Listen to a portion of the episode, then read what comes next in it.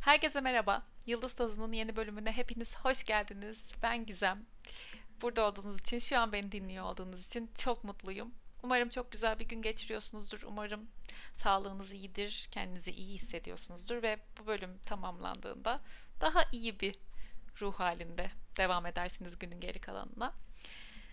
Bugün bahsetmek istediğim bazı şeyler var. Baş başa bir bölüm olacak. Benim yine konuşmak istediklerim var çünkü. Öncelikle şeyden bahsedeyim. Bir eğitime başladım ben. Yoga uzmanlık eğitimi. Advaita Yoga'nın kurucusu belki bilenleriniz vardır Zeynep Aksoy. Çok kıymetli, çok değerli bir öğretmen, eğitmen, her şey gerçekten. Ben yeni tanıştım. Eğitim içerisinde çok benzersiz bir enerjisi ve çok benzersiz bir yaklaşımı olduğunu gördüm. Şu ana kadar tanıştığım herkesten farklı ve beni de o şekilde etkiliyor. Çok çok mutluyum, çok heyecanlıyım. 6 ay sürecek bu eğitim. Eğitimin içeriği ve benim öğrendiklerimi size aktarabilmem için, bunlardan söz edebilmem için hazır hissetmiyorum kendimi. Bence doğru da değil gibi geliyor bana. Birazcık bunun sanki demlenmesi, içimde bazı şeyleri özümsemem, kendim tecrübe edebilmem lazım ve doğru bir şekilde kendim ifade edebiliyor olmam lazım. Ama çok kıymetli bilgilerle doluyorum. İlk modülümüz mindfulness'tı. E, eğer dinlemediyseniz ben bu podcast'te üçüncü bölümü bilinçli farkındalık konusunda çekmiştim zaten. Onun içine girdim. Detaylı, derinlemesine böyle iki gün hatta daha fazla saate eş değer bir ödev, ders, eğitim, dinleme, soru cevaplama, işte okuma, izleme, pratik etme fırsatım oldu. Aslında sanırım beni bugün bu konulardan bahsetmeye iten de özünde bu mindfulness yani bilinçli farkındalık diyeyim. Farkındalık pratiği. Şimdi öncelikle dışarıda çok güzel bir hava var. Arada gözüm böyle cama dalıyor. Cama pıt pıt pıt yağmur sesi geliyor. Gri, puslu işte bu hava beni inanılmaz mutlu ediyor. Ve biliyorum ki ben şimdi bu havayı size betimlerken ya da şu an zaten bu havayı siz de görüyorsanız ve deneyimliyorsanız ay ne diyor ya diyenleriniz oldu. Size çok uzak, belki hiç hoşunuza gitmeyen bir, bir şey gibi geldi. Çünkü siz atıyorum güneşli havayı seviyor olabilirsiniz. Siz yağmurdan hoşlanmıyor olabilirsiniz. Aydınlık olsun istiyor olabilirsiniz. Vesaire vesaire. Bu tıpkı şey gibi işte gece insanı, gündüz insanı. Birileri gece çok daha verimli hissediyor kendini. Daha mutlu hissediyor.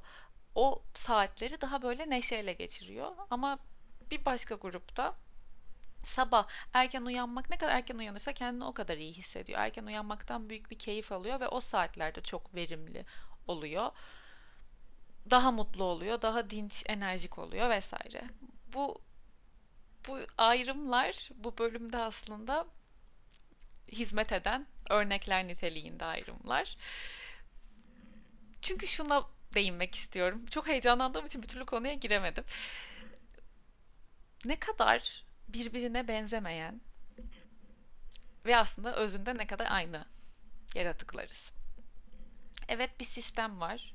İşte belli organlar, belli uzuvlar, bir iskelet sistemi, bizim içimizde dönen çalışan birçok ve bizi hayatta tutmaya yarayan işte dolaşım sistemi, sindirim sistemi bunlar var. Baki. Çoğumuzda iyi bir şekilde işliyor. Benzer bir şekilde çalışıyor bu sistemler. Dışarıdan baktığınızda da işte öyle ya da böyle art yani aynı şeylere sahibiz diyebilirim.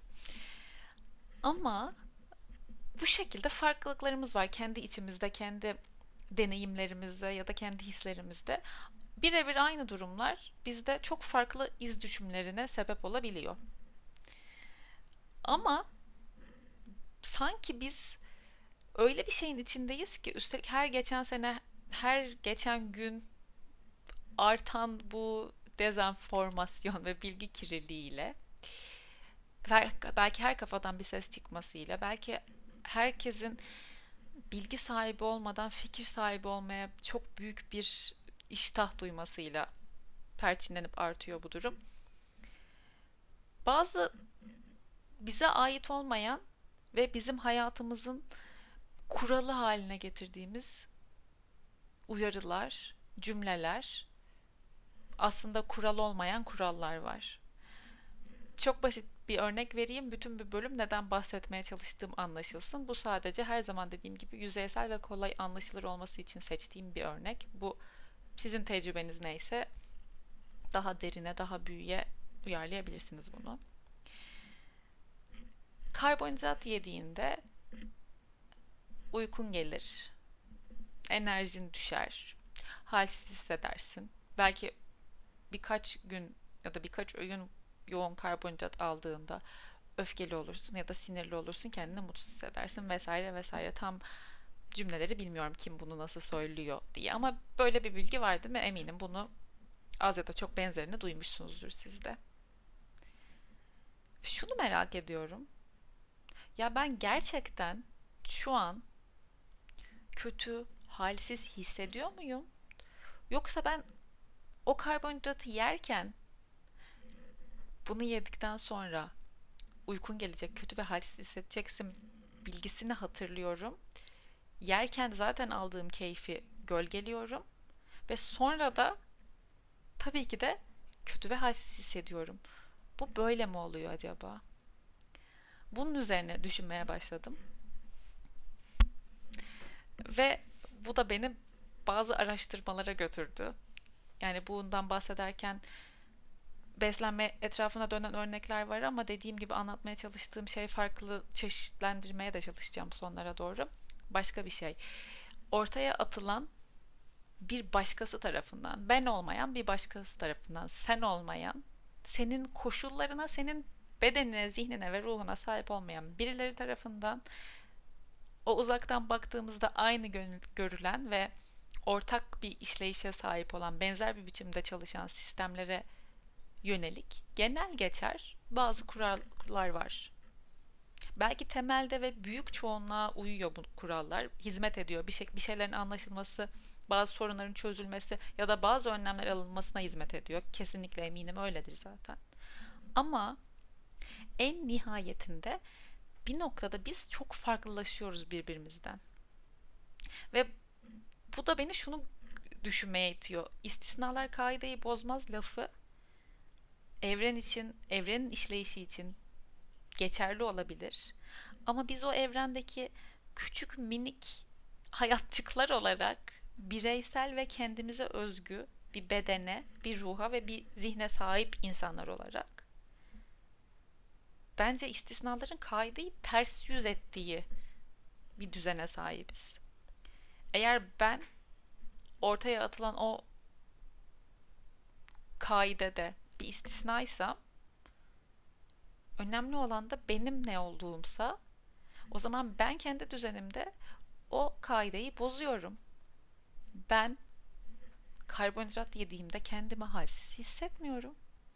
Ya da ben kendimi ondan bir saat sonra sinirli hissetmiyorum. Uykum gelmiyor atıyorum bu bu örnekten yola çıktığım için bunları söylüyorum. Bunun içinden çıkmak için farklı ihtimaller olduğunu görmemiz gerektiğini düşünüyorum.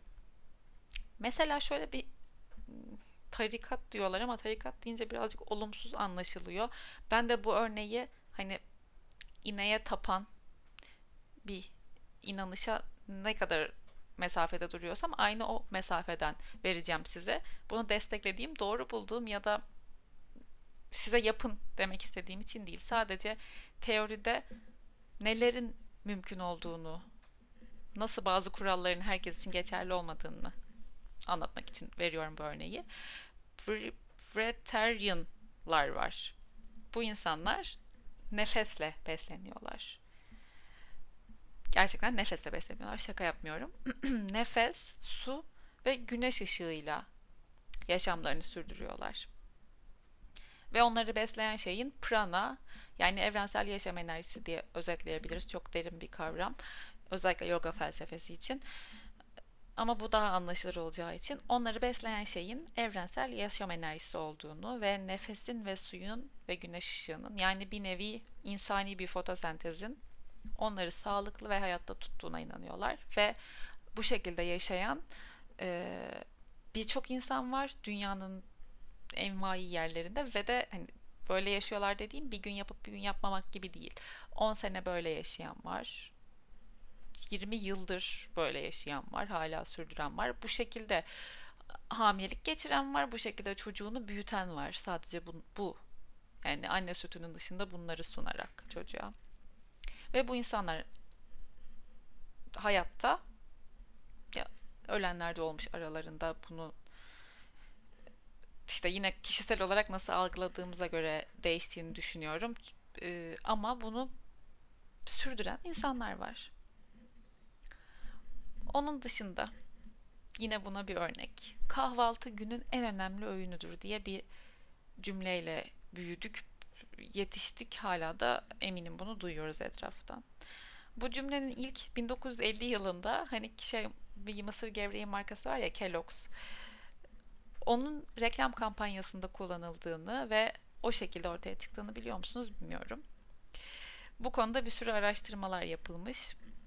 Evet birçok açıdan işte günlük ihtiyacımız olan enerjiyi bize verdiği için onun dışında sağlıklı lifi günün erken saatinde almamızın işte günün geri kalanında kan şekerimizi dengelediği için sistemlerimize iyi geldiği için tam şu an bilimsel araştırma cümleleriyle paylaşmak istemiyorum. Okumak olacak çünkü o birazcık.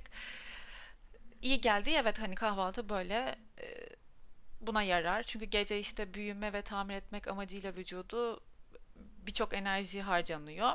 Ondan sonra dengeli bir kahvaltı ile enerjinin yanı sıra işte e, protein ve kalsiyumu da takviye edip güzel bir başlangıç yapmış oluyoruz güne diyor bazı diyetisyenler.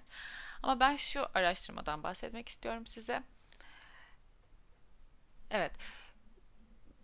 Bir araştırma yapmışlar. Özellikle bu kahvaltının obezite üzerindeki etkilerini ve bağlantısını incelemişler. Amerika'da işte bir araştırma yapılmış. Size bunun linkini koyarım. BBC'nin bir araştırmasını okudum. Kahvaltının doygunluk hissini arttırdığına, günlük kalori alımını azaltmasına, içerdiği lifli besinler sayesinde diyet kalitemizi arttırmasına ve daha sonraki öğünler açısından insülin hassasiyetini geliştirerek diyabet riskini azaltmasına bağlanmış. Yapılan araştırmanın sonucu. Ama sonra demişler ki ya gerçekten bunun sebebi kahvaltı mı? 52 tane obez kadına 12 haftalık bir zayıflama programı düzenlemişler. Kadınların tümü bir günde aynı miktar kalori alıyormuş. Ancak yarısı güne kahvaltıyla başlarken diğer yarısı kahvaltı etmiyormuş. Bunun sonucunda aldıkları işte istatistiksel verilerle görmüşler ki kadınların kilo vermesini sağlayan şey kahvaltı değil, normal rutinlerinde yaptıkları değişikliklermiş. Daha önce kahvaltı etmeyenler kahvaltı etmeye başladıklarında eski rutinlerinde devam edenlerden daha fazla kilo vermiş. Eskiden kahvaltı edenlerin de bu oyunu kestiğinde kahvaltı etmeye devam edenlere kıyasla daha fazla kilo verdikleri görülmüş. Tabii ki bu obezite e, alanına daraltılmış olarak yapılan bir araştırma. Ama zaten ben dediğim gibi kilo vermeye mi çalışıyorsunuz? O zaman kahvaltınızı kesin. Amacıyla bunu anlatmıyorum. Deminki ineğe tapan inanışa duyduğum mesafeyi tutalım. Her birimiz birbirimize benzemiyoruz. Bu deneydeki kadınlara da benzemiyor olabiliriz. Bu bizim bireysel yaşayacağımız bir şey ve deneyim. Altını çizmek istediğim şey bu. Yani aslında kahvaltı günün en önemli öğünü olmayabilir. Not necessarily diye bir laf var. Şu an onu tam olarak değil diye çevirmek istiyorum. Önümüze çıkan beslenme olsun, aşk olsun, ilişkiler, işte iş neyse bugüne kadar böyle devrede devrede gelmiş, bize kadar ulaşmış o kaideler ya da bugün belki bir ay önce yeni kurulmaya başlayan bir cümle ortaya atılan ve tekrarlanan aman buna dikkat edelim dediğimiz neyse ne olur onu sonrasında bir tam olarak değil koyun. Sonra bakın onun için nasıl doldurabilirsiniz. Gerçekten bu cümleye ben yani tam olarak değil demem için elimde var mı bazı kanıtlarım? İşte bu örnek gibi, kahvaltı örneği gibi. Kahvaltı et mesela bunu denediğinizi varsayalım. E, kahvaltı etmedim. Ve o gün inanılmaz iyi hissettim kendimi. Sonraki öğünlerimde yine güzel beslendim. İşte yapacağım bir egzersiz varsa yaptım. İşlerimi hallettim. Beynim aynı şekilde çalışmaya, fonksiyon etmeye devam etti. Ben normal rutinimi devam ettirebildim.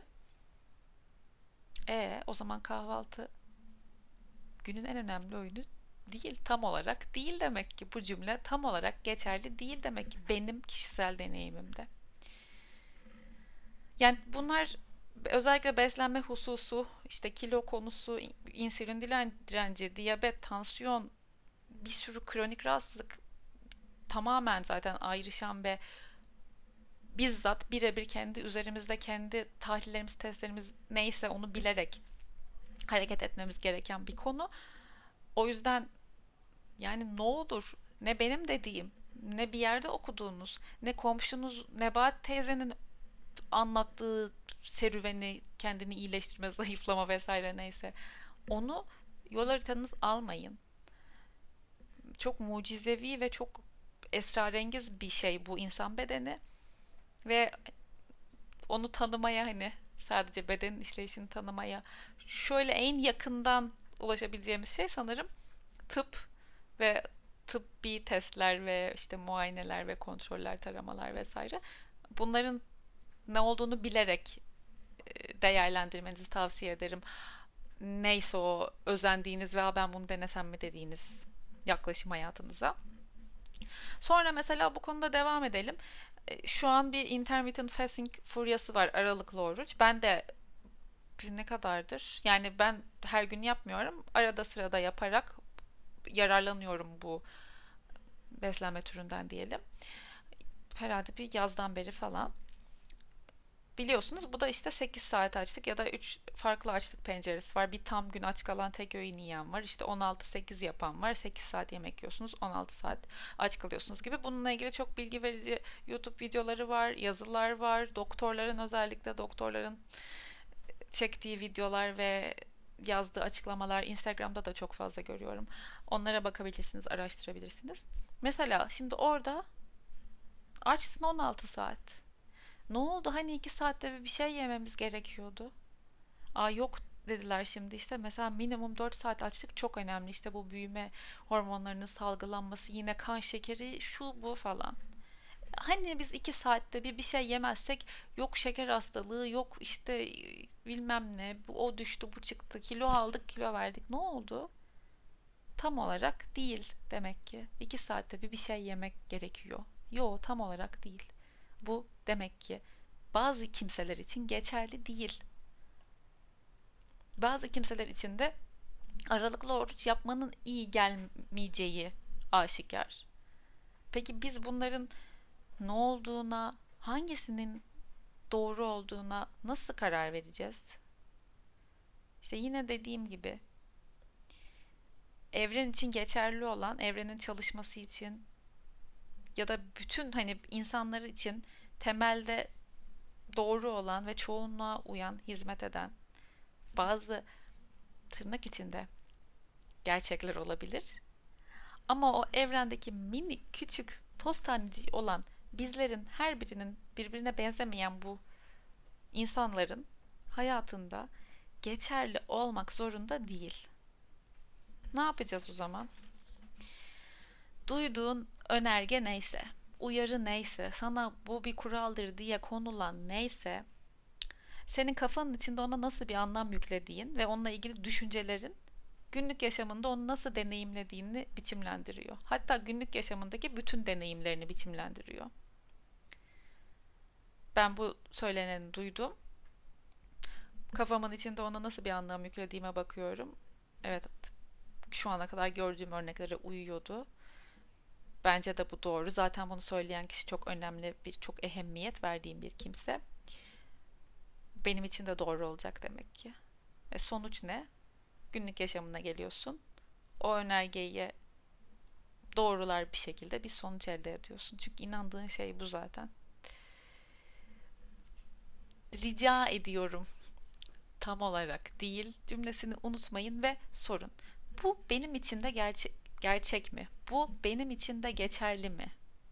Bizim insanlar olarak bir kullanma kılavuzumuz yok. Kılavuzumuz yok.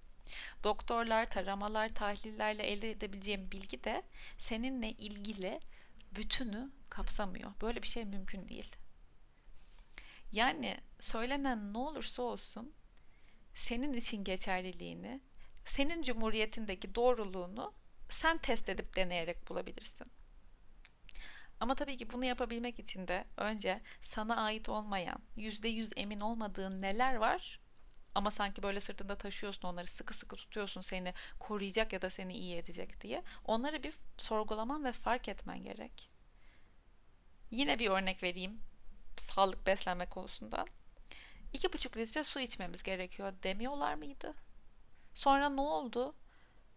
Bazı insanların yok böbrek sistemi işte kilosu bir şeylerine göre bunun farklılaştığı ve bu yüzden aslında işte kilonun kaç kiloysan onun yüzde ne kadarıydı doğru, hatırlamıyorum. Yüzde bilmem ne kadarı kadar su içmenin doğru olduğu söylenildi.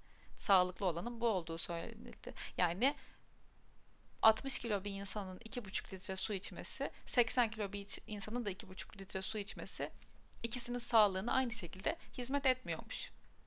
Yani tam olarak değilmiş. O yüzden böyle kurulan cümleler ya da mesela bir spor türü ya da belki meditasyon pratiği bile aslında yani meditasyon yapmak işte atıyorum öfkeli insanlara iyi gelir. Olmayabilir. O öfkeli insanlardan biri meditasyon yapmaya hazırlanırken bile iyice öfkesi katlanıyor olabilir. Orada yatıp gözünü kapatıp nefesine odaklanmaya çalışırken bile sinir duyuyor olabilir ve o zaman bu ona hizmet etmeyen bir şey haline gelmiş olabilir. Ya da bir spor türü. Aa ben crossfit yaptım. Kendime harika hissediyorum. Of nasıl sıkılaştım. Wow müthiş kilo verdim. Biri bunu keyif almadan ve biri bunun ona belki düşündüğü şekilde etki etmediğini e, bir ya da iki pratikten sonra görerek yaptığında asla senin aynı sonuçları elde etmeyebilir. Yani bence bu hayatta bir şeyi e, bir kural halinde bir insanlığa yani e, sunmak birinin ilaç birine ilaç önermesinden çok da farklı değil. Sonuçta ne oluyor? Biri Aa, benim omzum ağrıyordu. Şu ilacı aldım. Çok iyi geldi Nebahat'cığım. Sen de bu ilacı al diye. Birine ilaç öneriyor. Sonra yani Allah korusun neler neler olabiliyor. Bana iyi gelen şey sana iyi gelmek zorunda değil. Ya da 150 bin kişiye zarar veren şey sen de aynı şekilde çalışmayacak olabilir. Önemli olan tabii buna açık olmak bu iddiaya, bu ihtimale. Yani birden çok daha fazla ihtimal mümkün. Zaten bir kafanızı çevirip baksanıza etrafa, doğaya, sokağa çıktığınızda birbirine benzemeyen o yani binlerce vücut tipine, ifadeye, mutluluğa, mutsuzluğa, ruh haline biz bile kendi içimizde binlerce ihtimal barındırıyoruz. Bir günümüz öbürüne uymuyor. Bir günkü saçımızın hali ertesi güne uymuyor. Ruhumuz aynı şekilde. Nasıl bir kural herkes için geçerli olabilir? Şey diye bir laf var ya tam doğru cümle bu olmayabilir ama doğum ve ölüm dışında bir gerçek yok diye. Doğum ve ölüm arasında bir ihtimaller denizi var. Ve bu hepimiz için farklı. Hepimiz aynı ihtimali deneyimlemiyoruz. Evet doğuyoruz kesin. Evet ölüyoruz, öleceğiz kesin. Ama arada zilyon tane ihtimal var yaşayabileceğimiz. O yüzden ne olur hiç sorgulamadan birinin koyduğu kuralı, birinin ortaya attığı bir sonucu bu benim için de doğru ve benim için de geçerli diye sırtlanmayın. Şöyle bakalım benim için de geçerli mi değil mi diye. Nasıl fark edeceğiz biz diğer ihtimalleri? Nasıl kendimize uygun olanı bulacağız? Bu bana iyi geliyor mu? Bu yaptığım şey. Ya da bu bana iyi gelmiyor mu? Kötü hissetmeye de izin vermen gerekiyor. Çünkü biz dünyaya sadece iyi hissetmek için gelmedik. Tabii ki bir noktada ben de mutlu olmak için burada olduğumuzu düşünüyorum. Ama mutlu olacağımız resmi çizerken mutsuz olduğumuz şeyleri görmeye, kötü hissettiğimiz şeyleri anlamaya ihtiyacımız var ki onları o resmin içine sokmayabilelim. Neyi istemediğimizi, neyin bize iyi gelmediğini görmemizi sağlıyor kötü hissettiren şeylerde. Tamam. Ne yapıyorum? Yine aynı basit yüzeysel karbonhidrat örneğinden gidiyorum. Karbonhidrat yedim. Bu bana kendimi kötü ve halsiz hissettirdi mi? Ya da bu bana iyi mi geliyor? Ben gerçekten o haberlerde, gazetelerde, televizyonlarda söylenilen cümledeki gerçeği deneyimliyor muyum kendi vücudumda bunu yediğimde? Yoksa başka bir şey mi oluyor? Çünkü başka bir şey olması mümkün. Kendi te- deneyimimi gölgeliyor muyum acaba başkaları tarafından empoze edilen gerçeklerle? Bu benim deneyimimde belki de hiç yeri yok. Ya bu bu arada bu konuda astroloji bence çok güzel bir örnek. Yine aynı mesafeden bakalım buna da ama söylemeye çalıştığım şey hiçbir gerçek yok ve astroloji gerçekleri sunuyor değil. Açıklayacağım şimdi. Astroloji nasıl ki 12 tane burçtan bahsediyorsa ama nasıl çeşitleniyorsa ve aslında bir burç için işte Başak Burcu 2020 yılında şöyle olacak denilen şey her Başak Burcu'na nasıl ki uymuyorsa o burç detayları, yorumları yok yükseleni, ayı, güneşi, evleri açılarına göre çeşitleniyorsa geriye kalan bütün bütün kurallar, bütün yapılan yorumlar da aynı şekilde değişecek ve çeşitlenecek. İşte Dolunay mesela Dolunay sinir yapar. Gerçekten Dolunay bende sinir yapıyor. Dolunay bende gerginliğe sebebiyet veriyor. Bunu deneyimledim. Ama geçen en son olan Dolunay'da bile sadece Dolunay'ın geliyor olduğunu gördüm. Ve kafamda sinirleneceğime, daha gergin olacağıma dair bir şey böyle belli belirsiz bir ışık çaktı ve geçti. Evet yine sinirli geçirdim ama tabii ki zaten belki de öyle olmayacaksa bile bu ay belki öyle hissetmeyecektim. Ama yok yine aynı gerginliği taşıdım üzerimde. Sen bak bakalım Dolunay sana gerçekten sinir yapıyor mu yoksa bu özümsediğin bu artık içine soluduğun, çektiğin ve kabul ettiğin bir yorum mu senelerdir? Aynı şey ne bileyim gazetede mesela e, bir cümlelik yorumlar yapılıyor ya. Onlar sende gerçekten doğruluk buluyor mu senin günlük deneyiminde? Merkür gerilemesi, Venüs retrosu yani bunun bir bilim olduğuna ve buna duyduğum saygıya eminim zaten inanışıma. Tanık olmuşsunuzdur. Yıldız Tozu Açan Kadınlara da sevgili Elvan'ı konuk almıştım. Astrolog Elvan'ı. Ama tıp bile bütünü yani hani açıp vücuduna bakıyorlar detaylarıyla her şeyini görüyorlar. Tıp bile bütünü kapsamıyorken tabii ki de astrolojide bütünü detaylarıyla çizebilecek bir şekilde kurallar açıklayamaz ya da yorumlar yapamaz. Kimse kimsenin hangi gün hangi saatte ne yaşayacağını en ince ayrıntılarıyla bilemez. 100 kişide olan şey iki kişide gerçek olmuyorsa geriye kalan her kişi için gerçek olmama ihtimali de var demektir değil mi? İstisnalar kaideyi bozar arkadaşlar. Deneyin belki siz olacaksınız o kendi cumhuriyetinizde o kaideyi bozan istisna. Tecrübe etmekten geçiyor. Bütün bunlar, bütün bunların sorgulaması tecrübe etmekten geçiyor. Zaten yolculuğun güzelliği de burada. Aslına bakarsanız. Her şeyi tecrübe et, her şeyi keşfet kendin için. Kimsen sen o kişi olarak tecrübe et. Ve kendine sor. Bu mindfulness konusu da burada ve yoga, yoga zaten bütün olarak yani hayatla ilgili her türlü sorgulamada benim için en azından buluyor bir bağlantısını hayatımla ve yoga ile iç içe geçmiş bir şeyler buluyorum. Pozlar ve hizalar konusunda benzer bir şey düşündüm bu podcast'i işte kafamda hazırlamaya çalışırken. Mesela telefonuma şey diye not almışım. Şimdi amuda kalkmak çok istiyordum ben. O pozu yapmak headstand ama dirsekle evleyi arasındaki kısmın yerde olduğu versiyonu. geçen seneydi sanırım. İşte izliyorum videolar, okuyorum. E, yoga derslerinden zaten temelin yani foundation'ı nasıl kurmam gerektiğini biliyorum sağlığım için. Ama bir türlü onları geçtiği adımlardan geçerek yapamıyorum. Ama şeyi hissediyorum bakın. Boynumu koruyacak, omzumu, kolumu, bedenimi koruyacak şekilde temeli kurduğumu biliyorum. Yani bu demin bahsettiğim genele uyan ve temelde geçerli olan kısmı uyguluyorum.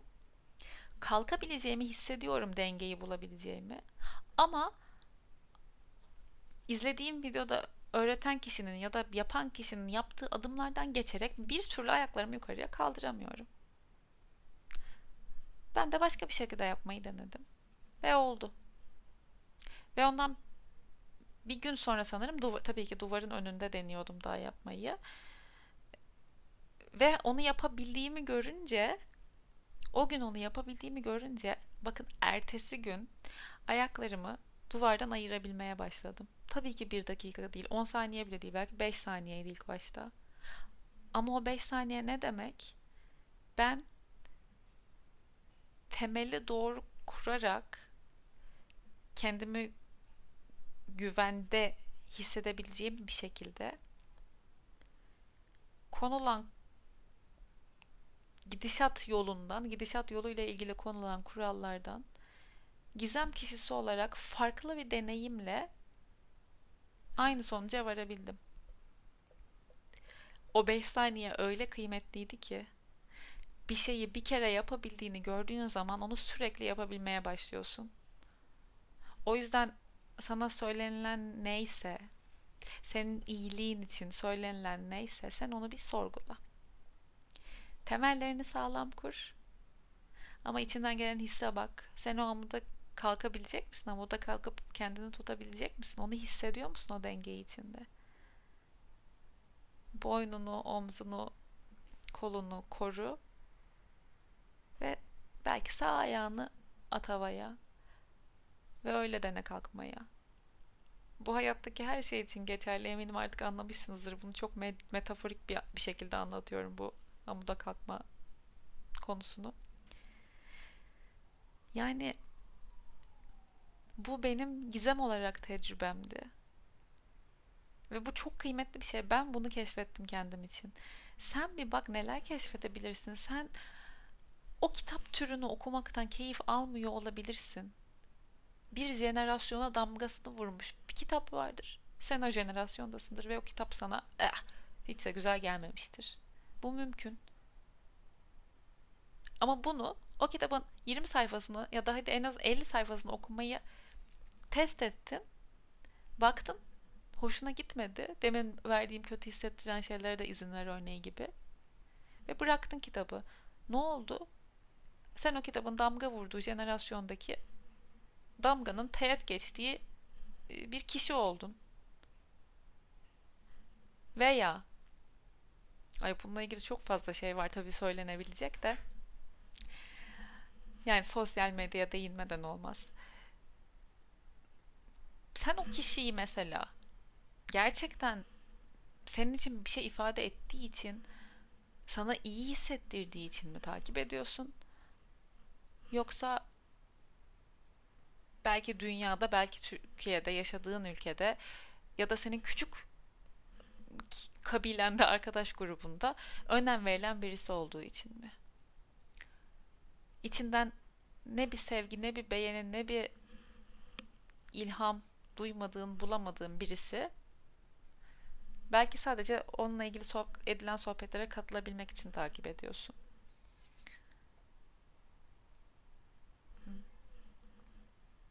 Yoga yapıyor mesela herkes. Özellikle bu karantinanın başından beri ya da işte bir egzersiz, pilates yapıyor canlı yayınlarla. Sen onlardan olmak için mi bunu yapıyorsun? Yoksa sen gerçekten bunu yaptığında kendini iyi hissediyor musun? Eğer sana bir şeyin kötü hissettirdiğini gördüğün ve kötü hissettiğin halde bunu yapmaya devam ediyorsan o zaman sen o istisnaların kaideyi bozmasına izin vermiyorsun demektir. Zeynep Hoca da bundan bahsetti hiza ve işte mindfulness ile ilgili konuşurken. Mesela omzun ağrıyor ya da işte belin ağrıyor. Yoga sınıfına geldin. Yani ona beline dikkat et demem. Benim sana ben eğer eğitmensem belinde rahatsızlık mı var? Hmm, o zaman beline dikkat et. Bir manası yok. Ama sen belinde rahatsızlık olduğunu bilen sen, bu konuda farkında olan sen, akışta, bir pozda, belinde acı hissettiğinde, belki dizini bir santim geriye alacaksın, belki kalçanı atıyorum sağa döndüreceksin. Şu an hiç bilmeden ve daha bunun anatomisine girmeden tamamen uydurarak bir örnek veriyorum. Bu senin deneyimin. Ben sana orada hayır kalçanı oraya çevirmemelisin. Bu pozun doğrusu bu dersem sana bir şeyi diretirsem bir hizayı belki ayrıldığında belin daha çok acıyacak. İşte mindful olmak aslında hayattaki her deneyimde ben ben gizem kişisi olarak ne hissediyorum? Ve ne hissediyorum derken her zaman duygulardan bahsetmiyorum. Gerçekten bedenim ne hissediyor ben bunu yaparken, bu kuralı uygularken, bu yönergeye dinlerken, bunu hayatıma alırken ne hissediyorum? Bedenim ne hissediyor? Bir yerimi ağrıtıyor mu bu? Midemi şişiriyor mu? Bana gaz yapıyor mu? Halsizlik yapıyor mu? Sırtımı ağrıtıyor mu? İşte beynimde o sisse sebep oluyor. Sisse değil, sise sebep oluyor mu? Düşünme sürecimi e, etkiliyor mu? Sağlıklı düşünemememe sebep oluyor mu? Peki ben bunu azaltsam bu her neyse mesela bunları sebep olan şeyi o zaman nasıl oluyor? Mesela bu bir sporsa ben bunu iki gün yapsam bana nasıl etki ediyor? Aa o zaman kendini mindful bir şekilde, farkında bir şekilde takip ettiğinde belki göreceksin ki senin için bunun dozu iki gün. Belki göreceksin ki senin için e, sana iyi gelen, seni mutlu eden ve olumsuz etkilemeyen kadeh sayısı bir kadeh şarap. Belki o insanla arkadaşlık etmek istemediğini göreceksin. Sırf grubun geri kalanına uymak için. Ya herkesin herkesin kendini sorgulamaya her an her an neyse o yaşadığı özellikle de bu dışarısı tarafından konulan kurallarsa ve yapılan zorlamalarsa içine dönüp bu benim için geçerli mi diye ben bunun sonuna tam olarak değil diyebilir miyim diye dönüp bakması lazım. Bence bu kişisel mutluluk yolculuğumuzda çok önemli bir şey ve dediğim gibi başlarda yolculuğu keyifli kılan şey de bu.